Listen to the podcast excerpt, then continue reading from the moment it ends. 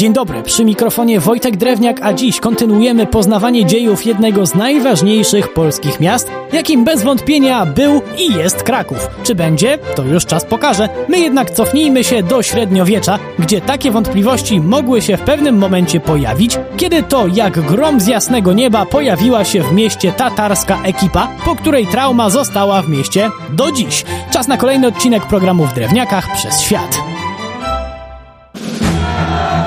Batu Han i dowodzona przez niego grupa Tatarów mieli prosty plan. Wpaść, zrabować ile można i zabrać kogo się da w niewolę, a jak ktoś będzie się opierał, to zabić. Przeszli przez miasto jak burza i wiele zabudowań, głównie dlatego, że były to zabudowania drewniane, zostawili w kompletnej ruinie. Ta masakra jest pamiętana po dziś dzień. Jak to? Ano, mamy nie tylko z urwany hejnał, który rozbrzmiewa codziennie, ale i lajkonika. Dziś wiele osób nie myśli o tym w ten sposób, ale te rzeczy to nadal żywe wspomnienie po tatarskiej masakrze.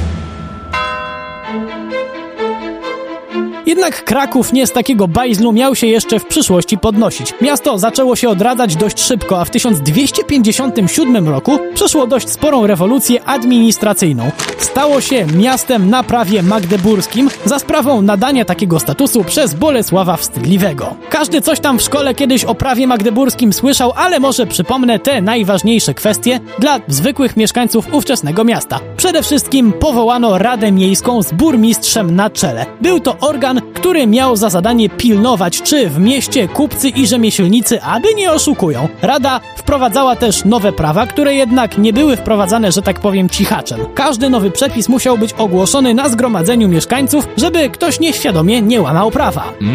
Ponadto uznano, że skoro Tatarzy i tak już zrujnowali większość miasta, to można je odbudować trochę bardziej z głową, bo do tej pory zabudowa narastała dość spontanicznie jeszcze od czasów grodu. Teraz postanowiono podejść do tego inaczej. Wytyczono gigantyczny rynek, od którego miały się w zorganizowany sposób rozchodzić ulice. No i jeszcze jedna kwestia. Żeby nie było więcej takich niespodziewanych i niestety bardzo łatwych do przeprowadzenia najazdów, postanowiono zabezpieczyć Kraków o wiele poważniej. Zaczęły powstawać fortyfikacje, które z biegiem stuleci stały się bardzo imponujące. Jednak warto pamiętać, że te wszystkie mury, bramy, fosy i zwodzone mosty powstawały przez dość długie lata. Do Krakowa zaczęli znowu zjeżdżać kupcy, w tym zagraniczni, którzy przywozili nie tylko towary, ale też nowe trendy z innych stron świata. Stolica rosła w siłę i było to kluczowe miejsce dla regionu. Nie ma się co dziwić, że Wacław II bardzo chciał położyć łapę na Krakowie.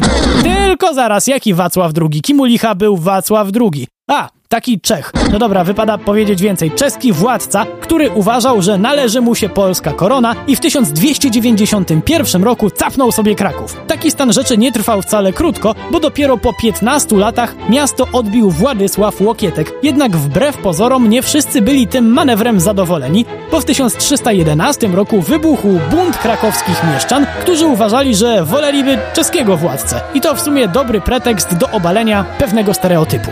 Władysław Łokietek nie uchodzi bowiem za bardzo przebojowego władcę. Pobożny, żadnych romansów, ktoś powie, że nudny, ale nie, nie. Łokietek potrafił być bardzo brutalny, jak się zdenerwował. Błyskawicznie poskromił buntowników i jeszcze, żeby wybić innym tego typu pomysły, to na całe miasto nałożył karę. Wiedział jednak, że zrujnowanie tak ważnego miasta dla zaspokojenia własnego ego nie ma sensu, więc nie obraził się na Kraków całkowicie. Wręcz przeciwnie, koronował się tam i od tej pory to właśnie w Krakowie nakładano koronę na głowy naszych monarchów przez kolejne 500 lat.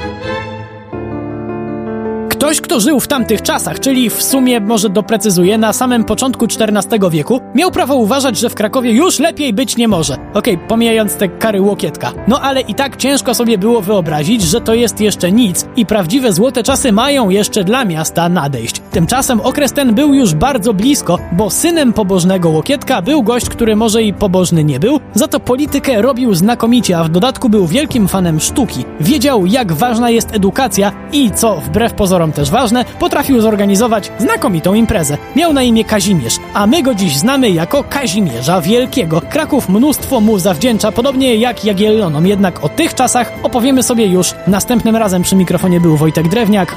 Do usłyszenia.